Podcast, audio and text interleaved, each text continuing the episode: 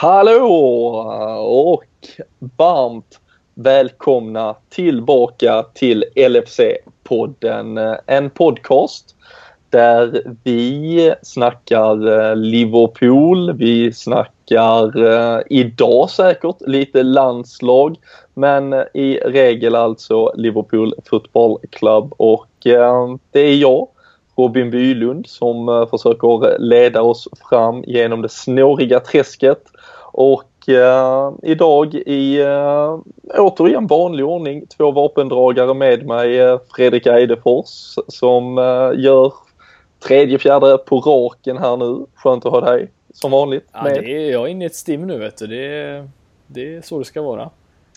Lika het som Jamie Vardy i ja, stort ungefär. sett.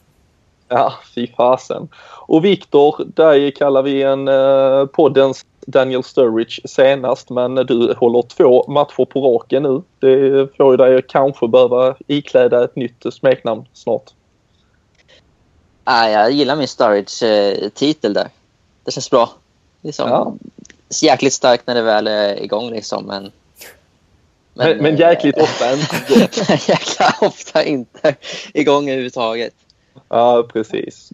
Och ehm, för, för er som älskar Mamadou Sakho eller Robin Fredriksson så, så har ju han varit borta ett tag här. Det har varit slutspelshockey för Djurgården och så startar allsvenskan och så plötsligt så, ja, det, det går ju knappt eh, att få tag på mannen. Men eh, han har lovat att dyka upp eh, nästa vecka och framförallt när nu Mamadou Sakho har varit så bra den senaste tiden så känns det ju som att det är dags uh, för honom. Tänk nu grabbar om han gör en platt match mot Tottenham och så måste Robin in och försvara detta. Ja, det ska bli vackert att lyssna på. Ja. Mamadou Sakho som också spelar eh, från start och uh, verkar återigen ha tagit tillbaka platsen i det, i det franska landslaget. Vi kan ju kanske börja med en liten summering. Har ni, um, har ni sett några landskamper? Har ni sett några Liverpool-spelare in action de senaste dagarna? Ja, det är väl Englandsmatcherna de två där senaste i alla fall som man eh, framförallt Tyskland-matchen den var ju väldigt, tyckte jag, väldigt intressant och det var ju för att det fanns några spelare från andra planhalvan som rykt, mycket rykten om och även en Liverpool-spelare så att eh, den följde jag ganska, ganska noggrant. Mm, vi, eh, vi fick ju eh, ty, tyvärr då å ena sidan se, se Emre Can tappa en, en 2-0-ledning på yeah. den andra på loppet av sex dagar. Vi, vi kan ju också säga det redan nu. Vi har valt att förtränga de Premier League-matcher och det som har varit här tidigare. Det har vi, det har vi lagt lite i det, det ligger i ett bagage någonstans utan vi blickar framåt, vi summerar lite annat. Det kommer vara mycket rykten, det har varit mycket annat vi ska snacka om idag här. Eh, men eh, vad såg du i den matchen då Fredrik? Eh, dels av de som redan tillhör Liverpool och om de som ryktas på väg till Liverpool. Eh, ja, alltså det är, jag tycker ju att en spelare som vi har pratat mycket, Klein till exempel. Eh, han, jag har ju varit lite så skeptisk för jag tycker han inte har stuckit ut liksom så han, han, han är så en, en sexa liksom i alla matcher. Han gör inget jättedåligt, men han gör inget överdrivet bra. Men jag tycker att han, eh, han spelar ändå rätt bra i landslaget och nu fick han ju spela vänsterback senast också, men eh, han passar bra på båda och är ju med i anfallen och gör ju även assist där till Wardys, eh, 2-2 mål var det va? Ja, det var ju bara Klein i det målet. Ja, men precis. fantastiskt. Så att, eh, Klein, sen Klein, Klein. Eh, var det många, även inklusive jag, som förvånades hur Henderson tog hönor plötsligt. Att han kan träffa en gubbe där inne. Så att eh, det var bra av de Liverpool-spelarna. Lite sämre från Chan där då, men hans lag var inte, tyckte inte jag alls levde upp till de förväntningarna. Så att, plus till England som senare kom ner på jorden också, men dit kommer vi ju sen.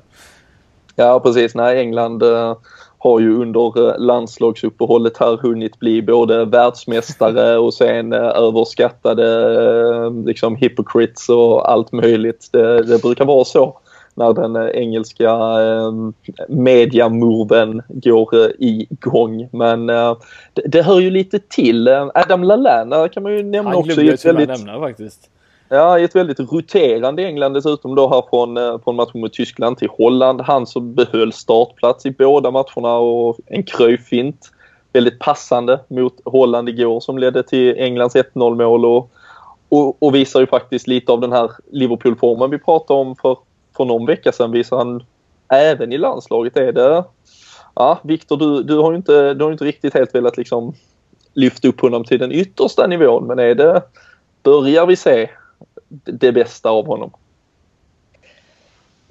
Det bästa av honom, det är väl förmodligen det vi ser, men... Eh, men det är inte tillräckligt då helt enkelt? Det är ju inte tillräckligt, nej. Nej, nej men... Eh, nej, men visst, han, han förtjänar beröm för sin form under senare tid. Absolut. Eh, och den verkar ju ha hållit i sig även i landslaget. Och det brukar vara bra tecken på form.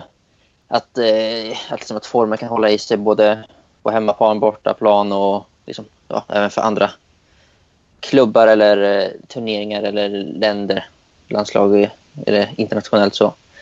Eh, så det är givetvis positivt. Men eh, om det är något som kommer vara beständigt, den här formen, att det nu är hans relativt liksom, normala nivå, det, det, tror jag inte på. Men, men vi ska ju definitivt vara glada över att han, han är där han är och producerar så bra som han gör.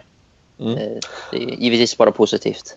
Såklart. Och sen äh, får vi ju se då även om det här skulle vara den, den form han kan leverera i eller den äh, nivå han kan äh, befinna sig på så äh, framförallt i den där Tyskland-England, vi hade även Tyskland-Italien igår så så går det ju inte att undkomma äh, ryktena och för, för Adam Lallanas del om vi stannar där en, en konkurrent som uh, verkligen skulle kunna komma, komma in och lyfta Liverpool. Uh, Mario Götze har ju varit uh, rubrikernas man. Vi ska in mer på just uh, ryktesdelen av det men har du sett något av det han har presterat här under veckan Fredrik? Uh, ja, den matchen följer jag inte lika mycket så att uh, jag har inte haft lika bra koll på honom som eh, Liverpool-spelarna utan den som jag faktiskt, för han har ju sett så pass mycket sen tidigare men den spelaren jag följde mest eh, är, är den andra spelaren som vi kanske kommer komma in på men vi, om du vill hålla dig till Götze så får vi nog skicka vidare den frågan just nu i alla fall. Mm. Såg du något eh, av eh, Götze, Viktor? Jag såg att det kom i alla fall lite videoklipp, ett par eh, ganska snygga one-touch framspelningar och lite annat, framförallt i gårdagens match. Äh, ingenting nu under landslagsuppehållet, men liksom, liksom Fredrik, jag har ju sett som många andra, väldigt många matcher tidigare med honom. Och... Man har sett så det, så det räcker.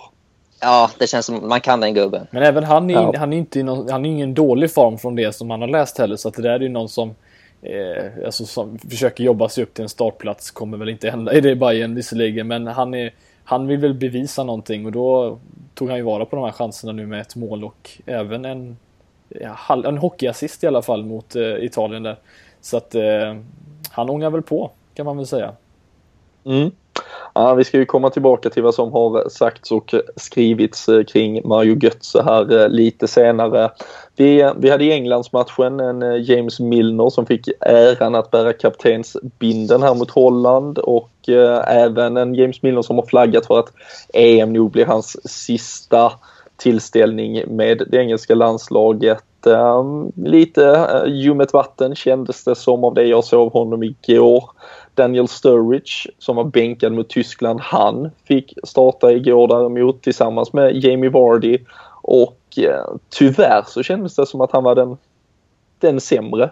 Och det känns som att han inte alls är en ordinarie engelsk landslagsanfallare just nu faktiskt. Men Harry Kane också i strålande form. Hur, hur känner vi kring Daniel Sturridge just nu? En av de sista minnesbilderna om vi tittar Liverpoolmässigt innan var ju också när han blev utbytt mot United, bitter, sur. Var har vi Daniel Sturridge idag, känner ni? Det känns ju som att han, att han ligger någonstans kanske på eh, 80-85 procent av sin kapacitet. Liksom, det, det är alltid så märkligt med honom eftersom man, man, minns all, man minns alltid hur bra han har varit de gångerna han har varit borta och just kommer tillbaka. Eftersom han har lirat så fantastiskt bra och haft ett så otroligt målsnitt och sen är borta tre månader och tänker man ja, men shit vilken spelare det är. Och så kanske han inte presterar det bästa i första andra matchen men, men liksom har ju ändå det i sig och brukar hitta tillbaka till formen rätt fort. Men, men det känns som det är en annan, det är annan, en annan sorts story som har kommit tillbaka den här gången.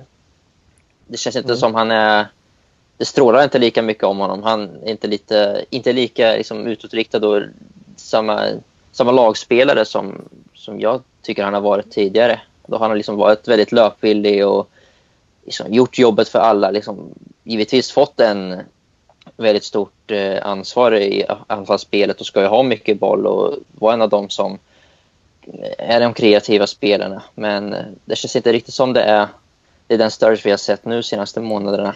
Och liksom, själva speeden också känns inte heller riktigt Visst känns som, som att han nästan, som, alltså det, löpningarna är inte 100% Han tar inte i. Är Nej, det känns inte som att han har blivit... för att han har tappat, liksom, han har inte mm. jobbat sig upp dit än. För att jag, när man ser honom liksom, och jämför dem med Vardy och Kane då, de, de, de, de kanske är visst i en annan typ av form visserligen så att det är lite lättare för dem. Men de, de kämpar ju 100% och ta de här maxlöpningarna för att vinna en duell. Men Starbridge han, han är ju inte där och det är, det är lite det vi har flaggat för att han vinner inte en löpduell med en mittback längre. Eh, eller just nu i alla fall.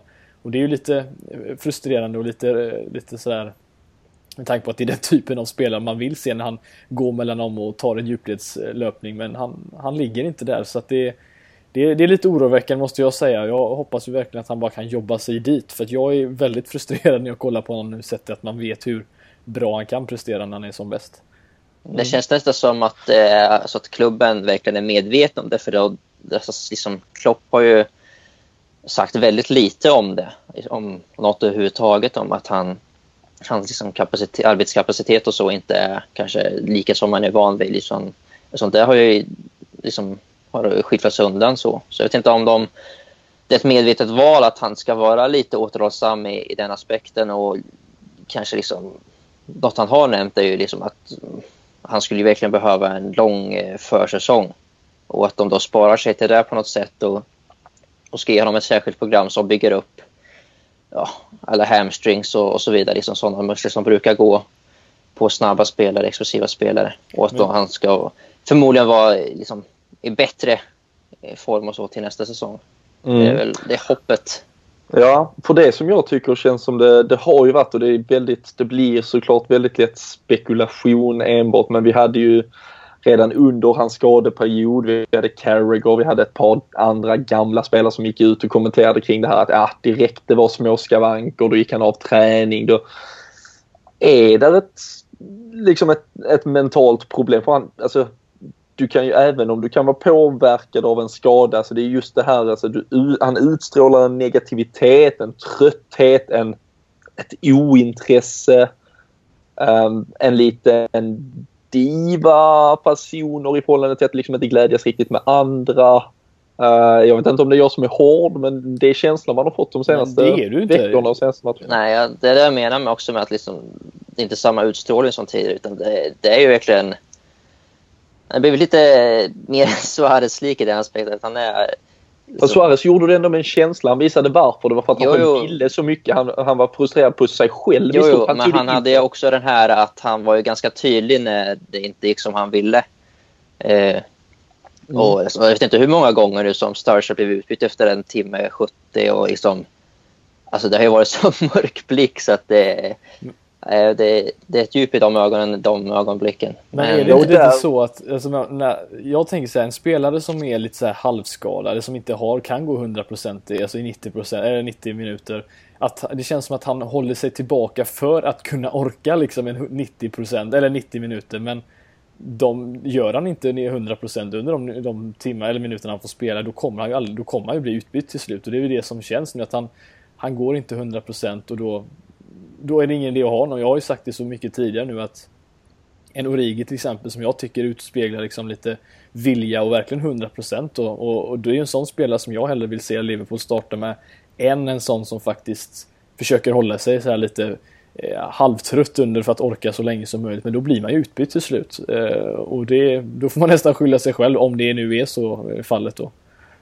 Mm. Nej, det känns som att det är ehm, ett ganska stort eh, frågetecken bakom hans både hans namn och hans eh, startplats egentligen eh, just nu åtminstone. Kanske dock ett eh, frågetecken som, som stryks på grund av den numera då rådande anfallssituationen också. Vi hade en Roberto Firmino som först var petad ur den brasilianska truppen, kom in i den brasilianska truppen och sen fick lämna i återbud till den brasilianska truppen på grund av lite skadeproblem och högst troligt inte är redo att spela här mot Tottenham till helgen. Och de belgiska anfallarna, du nämnde Divock Origi, även Christian Benteke har ju båda två också tvingats eh, hållas vid sidan av banan under eh, Belgiens landskamper här. Eh, så är kanske ändå Viktor lämnade med att hoppas att Daniel Sturridge frågetecken rätas ut till ett utropstecken när det gäller Premier League igen till helgen. Alltså den förhoppningen måste man ju ha för han är ju den överlägset bästa anfallaren i klubben och överlägset bästa individuella anfallaren i England. Liksom, kommer han upp till sin normala nivå så, så är den otroligt hög.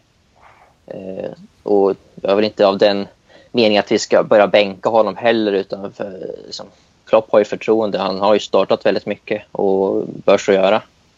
Så eh, liksom, hans startplats är inget som ska tas upp för debatt känner väl jag. Nej. Vi, uh, vi rör oss ner i, uh, de, uh, i de lägre regionerna höll jag på att säga. Men då hade det kanske blivit anmälda på både det ena och det andra. Men i försvarsleden åtminstone två Två också där. Kanske tyvärr lite negativa utropstecken i eh, Dejan Lovren som eh, var bänkad för Kroatien trots eh, väldigt fin Liverpool-form. Och sen blev utskälld av förbundskaptenen nu här igår kväll efter att ha skitit i uppvärmningen. Han hade inte riktigt orkat med den om han ändå skulle sitta på bänken. Eh, vi kan väl egentligen lämna den historien där han men eh, en annan spelare som har det väldigt tufft just nu, Fredrik. Mm. Martin Skertel. Ja. um, ja, han uh, spelade återigen för Slovakien, lagkapten för sitt Slovakien. Han har ju gjort det precis som egentligen i Liverpool under säsong och gjort det väldigt fint men uh, slutet verkar vara nära för vår gamle vän. Uh, mm. Drog på sig straff, spelade klumpigt, spelade dåligt igår när Slovakien var och besökte Irland. Ja, det är inga positiva tecken för den eh, mannen. Eh, och han blir inte yngre heller så att eh, nu är det väl perfekt tillfälle att han faktiskt presterar rätt dåligt för att det är, som jag sagt tidigare, det är inte många som man vet ligger säkert till i Klopps eh, framtidsplaner och jag tror att han redan, eh, han har nog redan börjat packa sin väska, hoppas jag, för att det är det är en sån här spelare som man nästan har skrattat åt. Eh, kan jag tänka motståndarlagen nu, alltså hur de ser, hur de... Hur, liksom, eh, det här är en spelare som tjänar extremt mycket pengar i Liverpool. Vad jag uppfattat i alla fall. Eh, och presterar så här dåligt, även på U21-nivå dessutom, där han blev utvisad senast om jag inte minns helt fel. Så att, eh... Ja, vi har, eh, vi kan ju snabbt stanna vid en liten, så här, statist, ett litet statistikstopp här då på Martin Skattels senaste. Måste vi? 90 minuter för då, eh, eller ja nästan 90 minuter för eh, U21-laget. 45 minuter där mot Southampton och 33 minuter mot eh, Irland. Det var alltså vad han hade hunnit med efter att det hade gått 33 minuter mot Irland igår. Då hade det, hans lag på alltså mindre än två hela matcher släppt in åtta mål. Han hade fått ett rött kort, ett gult kort och gett iväg två straffar. Um, någon form av rekord, Viktor. Ja, det är... Ja, jag vet inte vad fan som säger man om det där. Det är, ja, det är en mardrömsvecka eh, eller veckor det där. Eh, men det är väl... Det har väl varit en nedåtgående trend på honom i ja, rätt många år egentligen med något undantag där. Med... Men den har ju inte varit lavinfallande som nu. Nej, det har inte... Ja, men nu har det ju varit... Det här är ju extremt, men är detta bland... Eh, bland kan, alltså kan vi hitta någon så... liknelse på någon spelare som har spelat bort sig ur en startelva med, med mer buller och bång än vad Martin Skattel väl verkar ha gjort med, med sin form den senaste tiden? Ja, vad ska man hitta för jämförelse med det? Det är ju... det är ju verkligen lavin för det har bara blivit värre och värre. Eh, och han, hans eh, Alltså han måste ju lämna i sommar. Det, det går inte att se någonting annat egentligen. Det, det kan jag inte tänka mig. Sarkozy söker. Eh, Lovren eh, har liksom Klopp ändå snackat rätt gott om. Och kommer in med och, och sådär. Det, ska, det måste vara den som är på väg att lämna. Det, det måste vara så. Ja, det är väl tyvärr dock ingen äh, värdeökning han, eh, han sysslar med just nu men det är väl äh, det handlar väl kanske bara om att rädda det som eh, räddas går eh, efter hur det ser ut just nu. Nej, jag, eh, jag var väl en av dem som slogs för hans existens ganska länge åtminstone. Men jag är absolut inte svårare än att jag tar, tar ställning utifrån eh, de prestationer som eh, trots allt levereras och självklart så har Martin Skattel visat om, om det är skadorna, om det är att han har kanske själv också känner att han numera inte är ordinarie. Jag tror att han är en väldigt självförtroendespelare eh, som så många andra.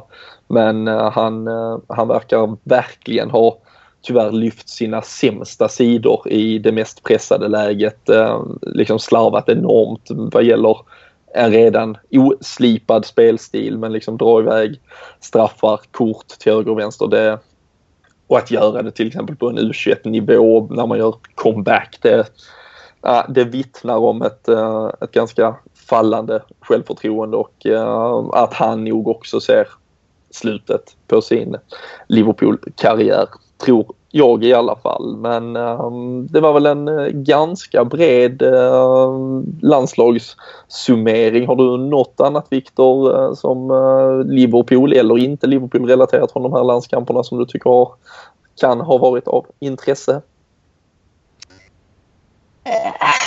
Det beror på om vi vill glida in på lite mer transfers och så vidare.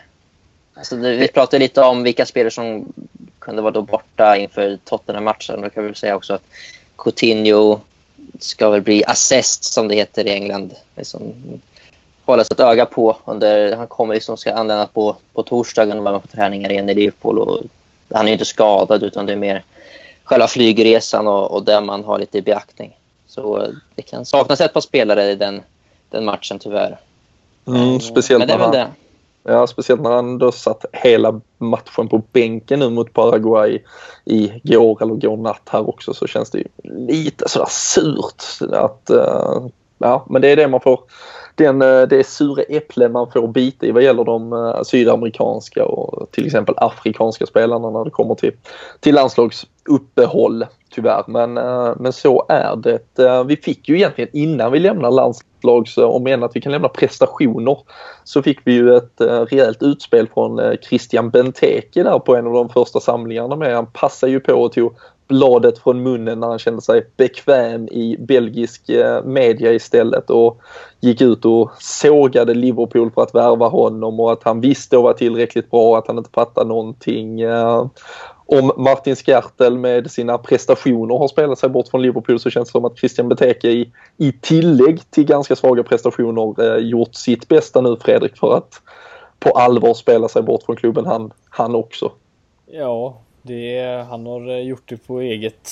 Han har gjort det själv helt enkelt. Pratat och gjort dåliga prestationer. Då, då på den här nivån så håller det inte jättelänge framförallt när du har så höga förväntningar som han har. Men... Eh, mm, nej, det, han har nog redan, och som jag sa med Skärt, han har nog också packat sin väska lite sådär. Eh, eller så har någon gjort det åt honom för att han kommer nog inte stanna den här säsongen, eh, efter den här säsongen tron, alltså det är ju, man är ju ganska slipade på denna nivån. Eh, är det ett typiskt utspel för att liksom ja, göra klart att jag kommer lämna till sommaren? Det låter nästan så. Alltså spelare som går ut sådär. Jag, jag, det har ju blivit mycket så nu, alltså just den här mediadelen, alltså så lätt det är för att grejer kommer ut och sådär. Och det kan vridas och vändas på diverse citat och så vidare och det kan bli jättefel. Men det här är ju liksom ett han förstår, han kan inte förstå. Eh, vi sitter och ser matcherna och förstår precis var, varför han inte är där han är. Men, eh, så det här, ja, det är nog för att eh, försöka hitta någonting annat. Det vill bli kinesiska ligan eller något för honom. För han tackar väl nej till det i januari va? Stämmer bra. Ja, så det, det, är väl något sånt där han kommer få någon saftig lön och så lämnar han redan till sommaren antagligen. Även eh, på tal om det så ryktades ju även att Sven-Göran Eriksson kanske vill ha Martin Skertel till, eh, till Kina. Ett, eh, han har tydligen haft ett gott öga på honom sen, sen Svennis själv var på de brittiska öarna. Varsågod säger jag bara. Det vore väl... Mm. Vi har väl pratat det om det, att ett rysk klubb skulle komma och knäppa honom för så här 20 miljoner pund eller något sånt där. Det, han får, de får gärna göra något liknande nu då, fast från kinesiska ligan. Ett par galna kineser plockar Benteke och Skartel för en miljard totalt ungefär. Ja, nej, vi, vi, får väl, vi får väl se vad det blir av det. Um, Allt hopp åt Svennis. Mm. Allt hopp åt Svennis. Absolut, vår frälsare. Um, Får jag bara flika in med en grej innan om vi håller oss bara till landslaget. Vi glömde nämna den eh, ytterbacken som eh, det har ryktats om lite också. Ja, Faktiskt, för det är en grej som jag måste flika in att det, vi har ju nämnt, jag i alla fall nämnde ju Rodri, Ricardo Rodriguez för, det måste varit ett, över ett år sedan va? Eller vi har pratat om honom i alla fall. Ja, han har dykt upp några gånger. Ja, precis. Minst en gång i alla fall. eh, för att det där är ju en spelare som ungefär den här liknande typen. Inte någon... Vi kanske ska nämna namnet innan ja, vi... Ja, kanske glömde göra det. För, för, Jonas för Hector, mot alla. Jonas Hector precis. från Köln. Eh, yes. Som eh, är en... Tysk landslagsman. Precis, som verkar ha tagit den här platsen nu. För det Eh, den hade annars Alaba haft om han hade varit tysk men eh, han verkar ju ha befäst den, den platsen där nu med, med lite bra resultat. Nu är ju även mål senast också dessutom. Eh, och det är ju en sån här vänsterback som inte som Moreno likt en sån här fartsnabb spelare med mindre IQ utan snarare en väldigt, väldigt välpositionerad ytterback med en fruktansvärt bra vänsterfot. Så att där är något som jag verkligen, mer än Götze måste jag faktiskt säga, eh, känns mer exalterad över sett till att det är något jag tycker vi behöver förstärka. Så att, eh, han får ni ögonen på om man ska skaffa en vänsterback för han lär ju inte kosta lika mycket som Ricardo Rodriguez gör. Det är väl snarare halva priset för honom. Mm. Ja, det är ryktats ganska mycket om han Jonas Hector och mm. det lutar väl åt att Köln begär ungefär 12 miljoner pund och det är fullt godtagbart för en, liksom, en tysk startande landslagsback. Liksom. Absolut. Eh, så ja. där det, tror, jag, tror jag verkligen att det ligger någonting i. Det, det känns som det, det är många saker som stämmer in bra där för att det ska kunna bli en deal i sommar. Men det är givetvis svårt. Är, om han går för 12 miljoner pund så är det förmodligen ett dussin antal klubbar som är intresserade. Men The Klopp Connection ska inte underskattas. Nej, det, det är ett det, fenomen. Är det. Ja, det, det är det. Och det är väl något som, och det är väl därför man alltid innan då, alltså det kommer kanske, det känns personligen i alla fall som att just det kommer vara Bundesliga-rykten, det kommer ryktas om, om spelare som då har den här connection. Det, det, kommer att krävas mer för att man ska faktiskt känna att det här ligger något sanningsenligt i det. För det är väldigt lätt att göra en nyhet på något gammalt citat eller någon connection eller att få fram liksom på en presskonferens att man säger att oh, jo, Klopp är fantastisk. För det, det är ju ganska lätt att säga. Det är, de kommer att ha den där relationen. Tidigare spelare kommer att kunna säga saker. Utan uh, det känns som att det kommer krävas lite extra mycket. Man vill gärna ha lite extra kött på benen för att man ska ta ett något sånt rykte seriöst i alla fall. Uh, men Jonas Hector har nämnts mer och mer. Vi får se om vi är på väg att bygga en uh, tysk armada likt den spanska som eh, Rafa Benitez byggde när han eh, etablerade och skapade sitt eh, Liverpool med Xabi Alonso, Pepe Reina, Fernando Torres med flera. Um, vi kan väl egentligen ganska osökt ta oss vidare till uh, den senaste tidens riktigt, riktigt stora snackis i så fall. Uh, och uh, vi har varit och snuddat vid det, men Mario Götze. Vi eh, vet inte om vi har varit inne och nämnt det tidigare i podden. Eh, tror kanske vi har touchat det. Det har ju varit lite små sippor kring det och eh, nu här under landslagsuppehållet så har ju etablerade och välrenommerade journalister på Merseyside och Paul Joyce i Express. Vi har Tony Barrett med flera som varit ute och sagt att jo, det ligger ganska mycket sanning i intresset från Mario Götze och att det är besvarat från Mario Götze och att Bayern faktiskt är villiga att sälja. Det var kanske det som var i och för sig tydligast redan från starten. Man har haft svårt att etablera sig under säsongen men uh, vi har ju tagit ut många sådana här i förskott. Vi har snackat, vi har trott, vi har hoppats, vi har drömt. Viktor, är det något i Mario Götze-soppan som skulle kunna kännas annorlunda eller ge känslan av att det här är något annat än en Makitarian, Alex Teixeira, Viljan? Eller är det bara one of those stories? Jag tycker definitivt att det är en helt annorlunda deal mot, alltså, det är lite märkligt det där. Det är många pessimister i supporterskaran känns det som. För så fort det ryktas mot någon som har lite högre stjärnstatus än vad vi kanske är vana vid och liksom då, då påminns man om, jag kommer ihåg nu, ja, hur brukar det gå när vi ryktas till stora stjärnor? Och så tar man Alex Teixeira, eh, Mkhitaryan och, och så vidare.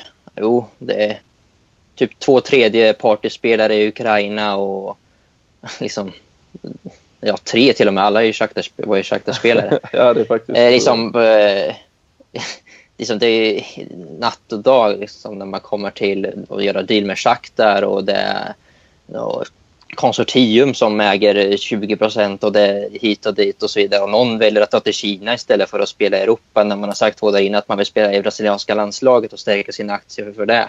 Liksom, det, det går inte att jämföra. Alltså här finns det ju rätt rimliga liksom förhoppningar ändå i och med att eh, det började med att liksom Götzelänken att eh, han liksom får inte spela och det växte väl från det och men att förmodligen att han ska vänta på Ancelotti för att se om han kommer komma in med något förtroende för honom för han är ju ändå liksom, i, i den liksom, tyska maskinen i Bayern. Liksom, där vill man väl inte gärna lämna om man väl har tagit sig dit. Men eh, nu har det växten som du säger då spridit sig bland, eh, som en löpeld i engelsk media. Och liksom, den summa som nämns är liksom 15-20 miljoner pund. Och och det är bara för att han har ett år kvar då. Som, ja, som exakt, den halveras nästan känns det som. Ska vi komma ihåg att Tony Kroos gick ju till Real Madrid för 20 miljoner pund. Och det var väl en liknande situation, mm. om jag inte minns fel.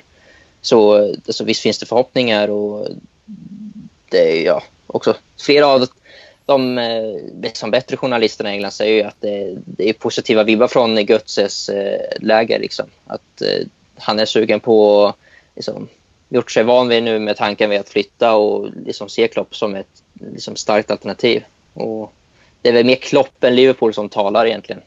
Eh, och där har vi det Klopp connection igen.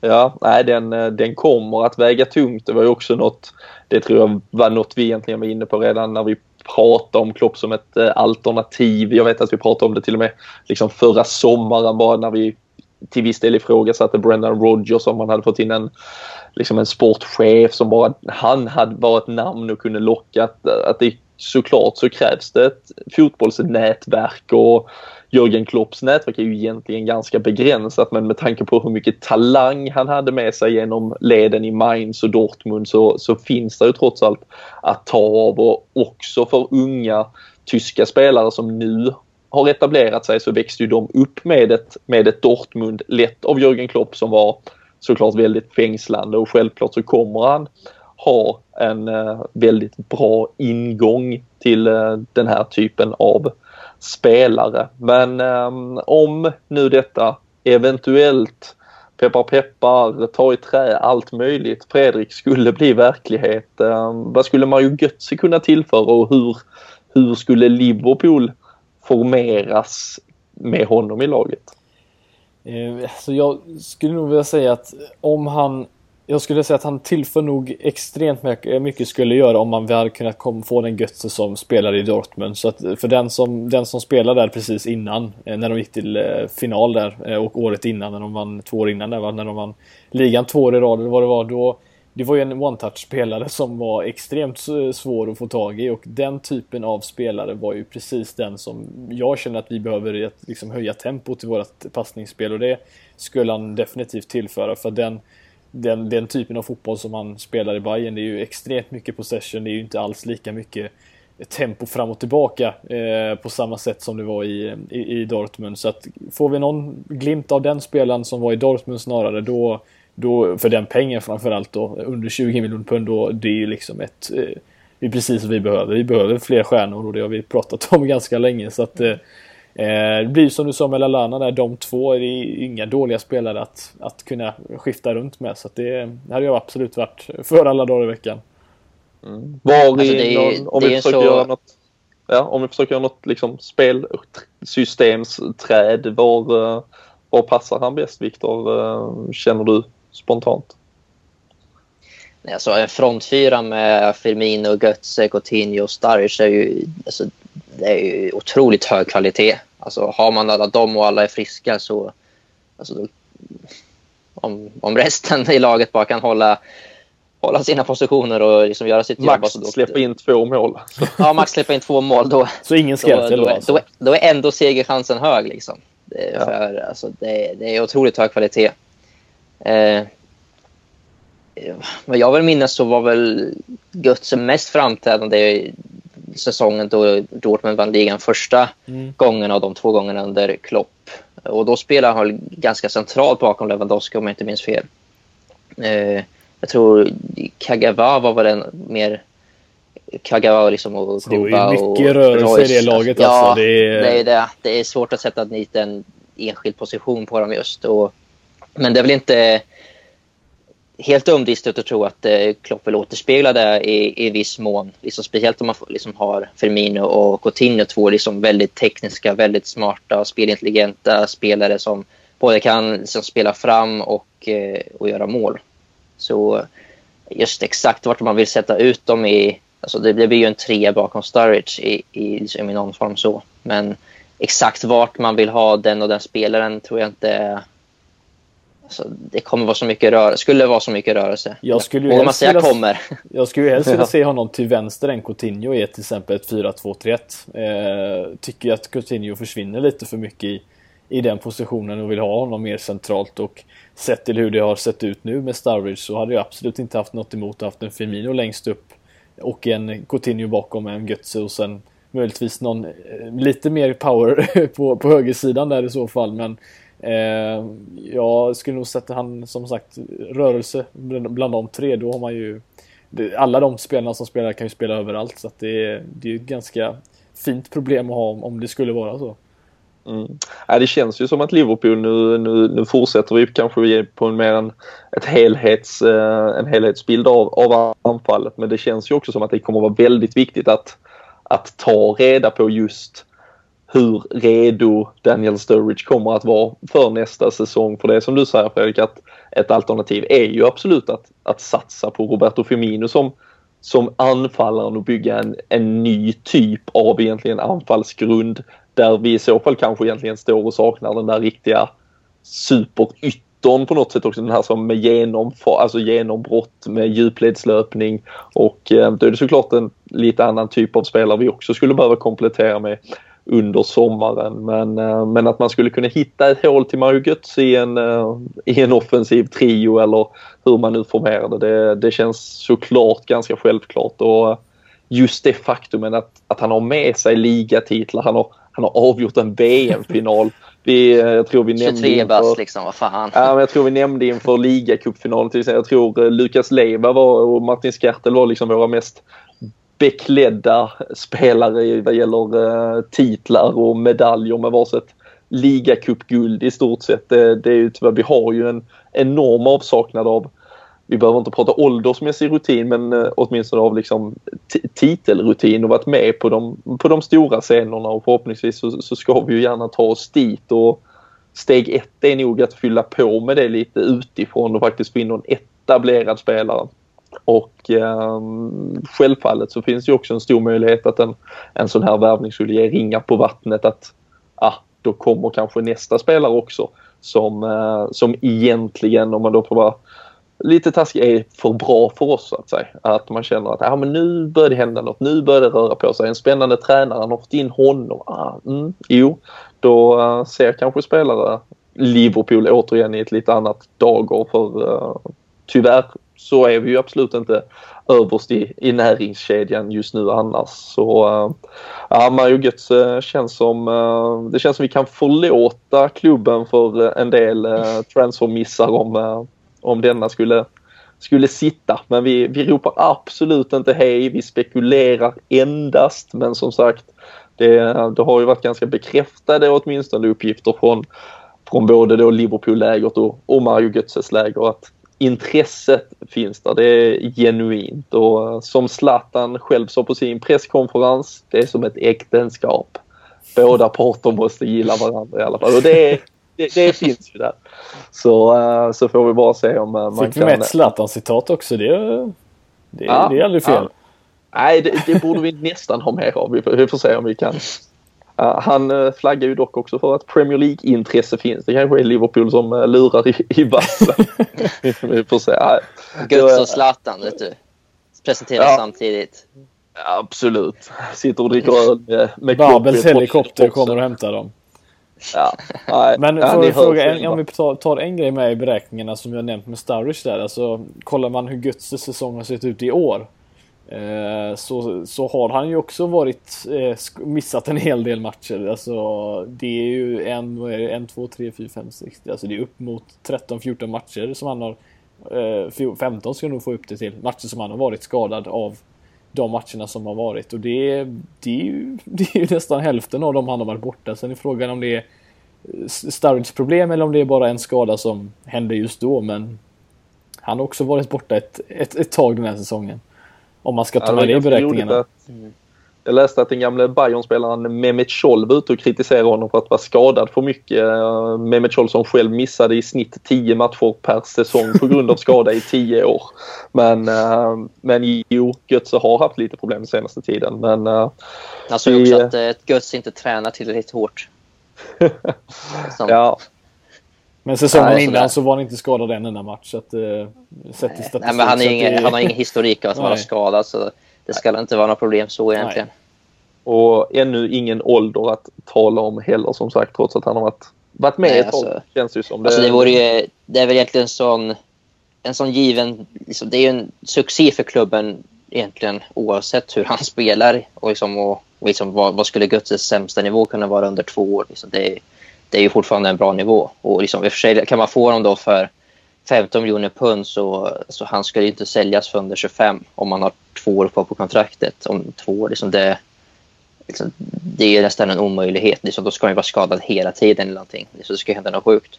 Ja, en så, fotbollsmässig och affärsmässig uh, succé oavsett helt enkelt. Ja, det, ja. det, så nära in på man kan bli i alla fall. Ja, det, det känns ju absolut så. Vi, eh, vi ska snart börja blicka framåt mot eh, helgens match mot Tottenham men eh, när vi ändå är och snuddar vid lite Dortmund-länkar så, så måste vi ju såklart ta ett stopp och reflektera över Europa League-lottningen som vi inte har hunnit med här sedan, eller på grund av ett litet uppehåll då förra veckan. Så det blev ju som, ja, som det stod skrivet i sten och nedprintat med bläck och allt möjligt att vi, att vi ställdes mot Dortmund, att Jürgen Klopp ska hem till Westfalen och uh, ja, att vi ska ta tjuren vid hornen helt enkelt här i Europa Leagues uh, kvartsfinal. Uh, utöver att det var lite sådär Japp, det visste man. Vad var eh, reflektionerna annars Fredrik när lotten drog så och nu med klart mer eh, perspektiv på det. Hur, hur känns det att det ändå blev Dortmund då som vi har i en kvartsfinal? Ja, alltså vi möter ju trots allt det bästa laget som är kvar i den turneringen om man ser sett till hur det har sett ut för dem den här säsongen också.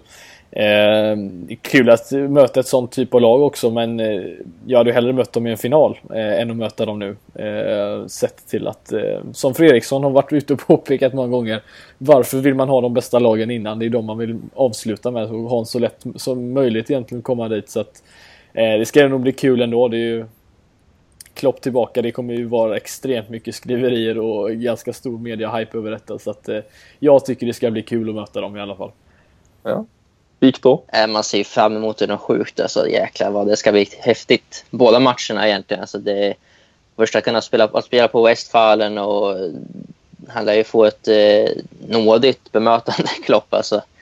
Eh, och, alltså, vilken upplevelse det kommer vara för alla, som, alla fans som åker dit och, och får vara i Dortmund och den arenan och den atmosfären och få med och skapa det. Eh, och för laget, spelarna, vi ser att de är inte så rika på liksom, titlar och så vidare men ja, det, de kommer nog inte glömma att ha spelat där mot Dortmund, det tror jag inte.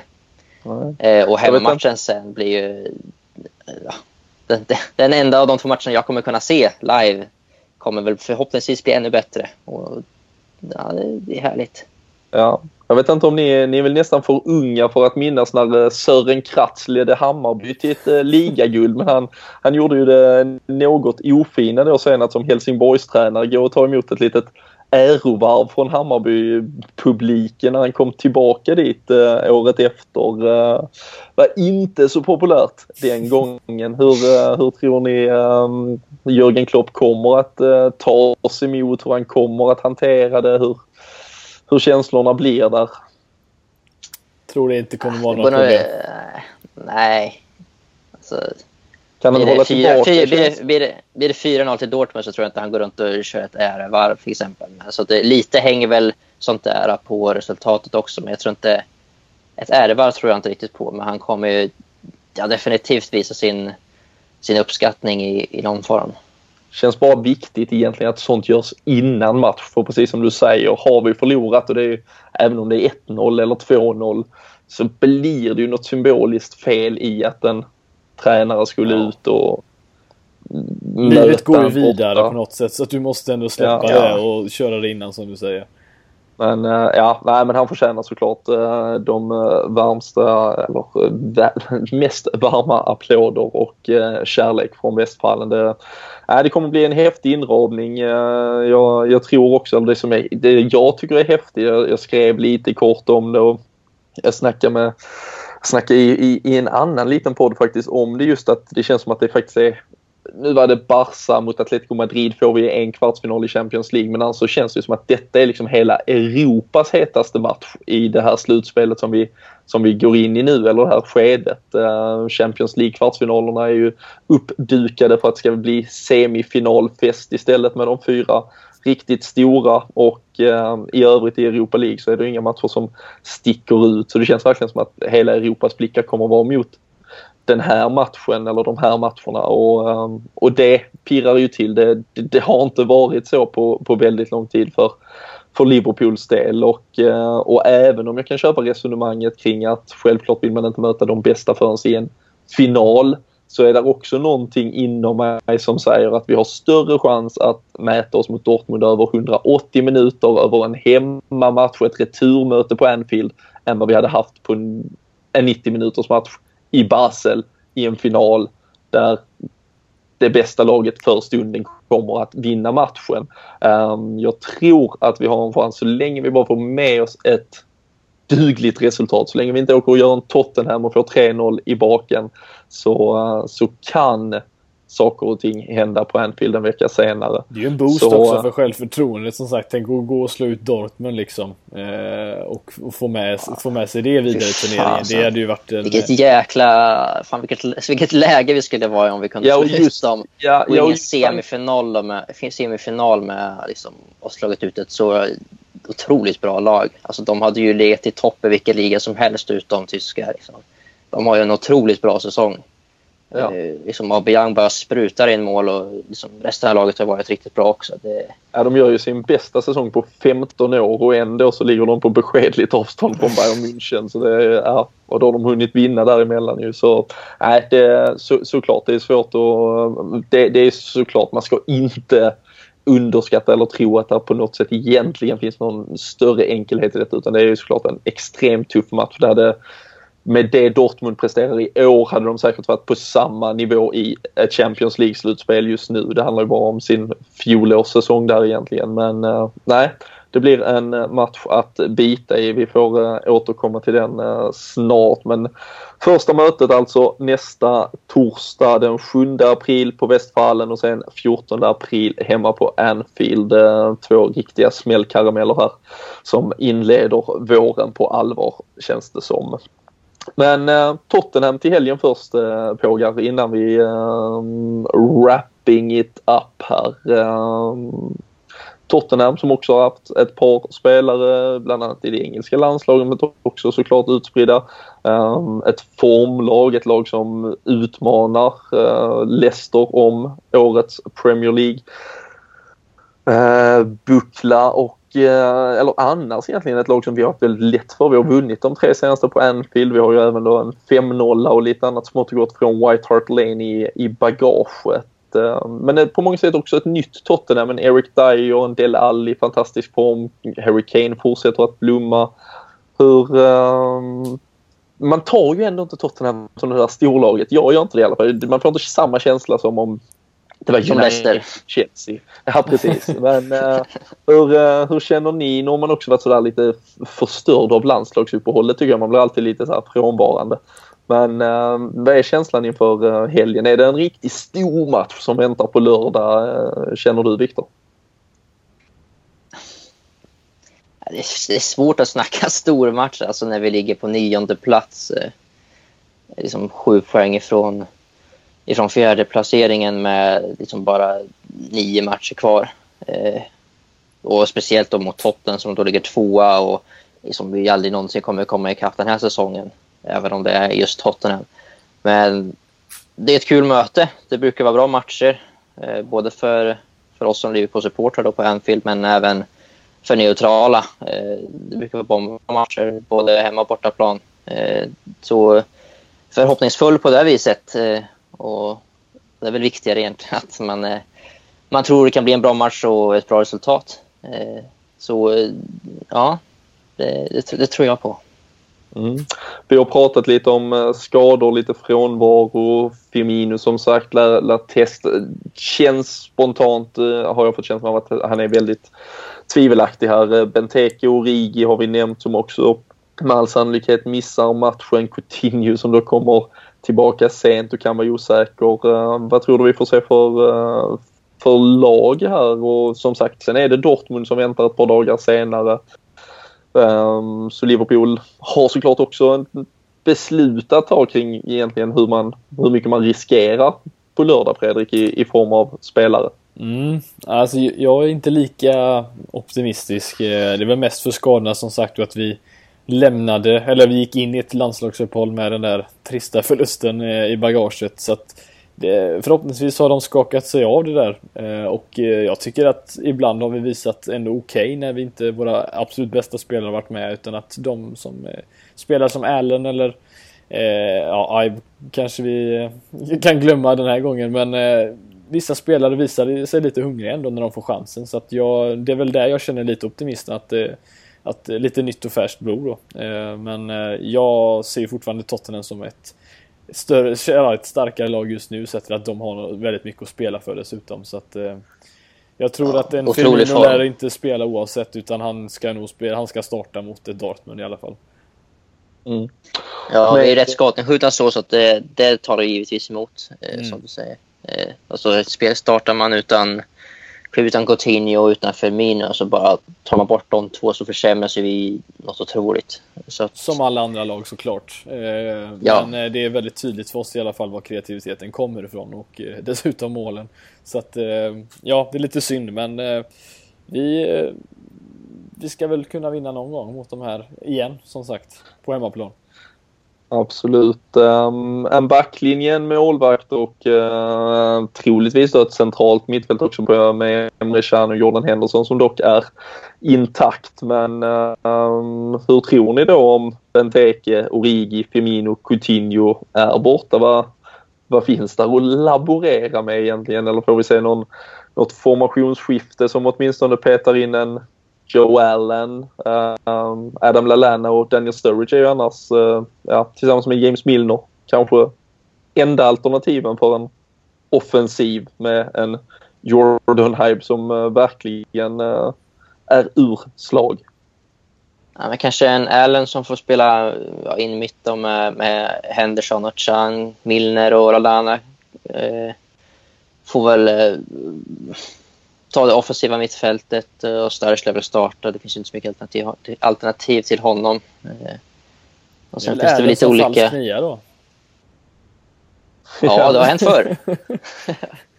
ja, det har varit kul att se. Nej, men eh, det känns lite statiskt för min smak med Milner som, en, alltså om det blir ett 4-3-3 kanske.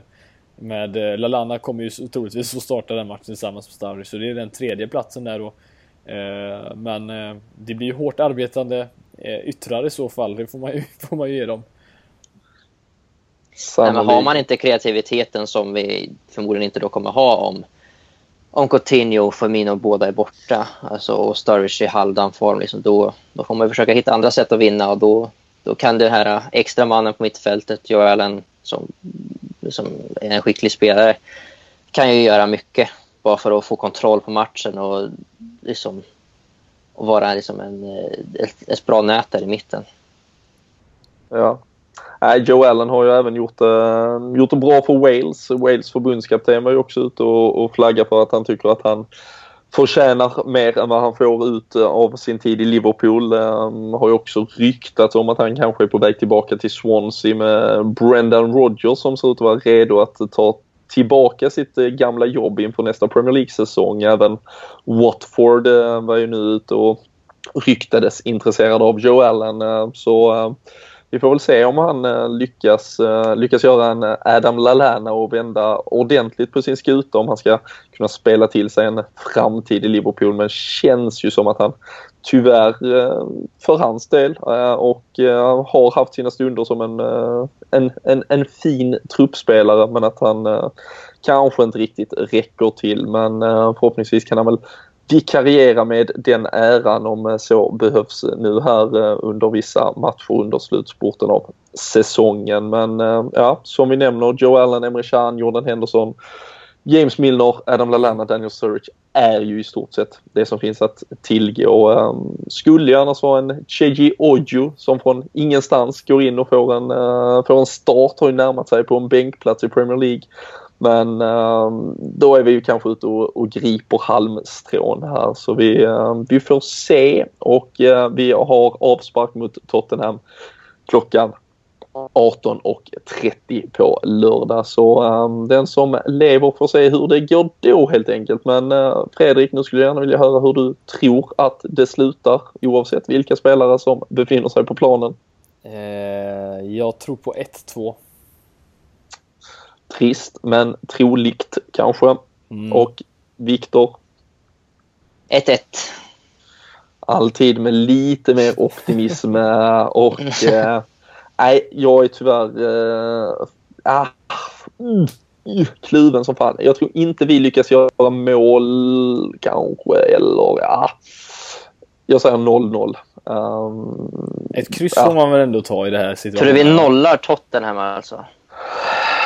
Jag tror att de nollar oss och sen så håller vi tummarna för att vi nollar dem helt enkelt. Så, ja, eh, om med all frånvaro i vår offensiv och med deras väldigt fina defensiv denna säsongen så, så finns det väl en risk att vi går lottlösa. Men eh, ja, vi får se om vi kan hålla eh, Harry Kane i fickan på Mamadou Sakho. Annars, ehm, annars kan det nog bli en tuff svettig eftermiddag för framförallt Simon Mignolet kanske i, i målet. Men ja, vi hoppas, vi håller tummar, vi ser hur det går på lördag och eh, för er där hemma så finns såklart möjligheten att tävla. Det gör ni tillsammans med oss och tillsammans med Sam Dodds och eh, vi eh, skickar i vanlig ordning ut länk och information eller tweet på Twitter där ni helt enkelt eh, följer instruktionerna på vad som gäller. Man ska följa, retweeta och tippa. Så ligger där en snygg t-shirt från Semdods i potten alltså. Så um, var med på det se vad ni tror och uh, så håller vi tummarna för era tips och för Liverpools resultat och uh, önskar er med det eh, ett par dra, bra dagar fram till match och ett par bra dagar fram tills vi hörs igen. Ha det gott!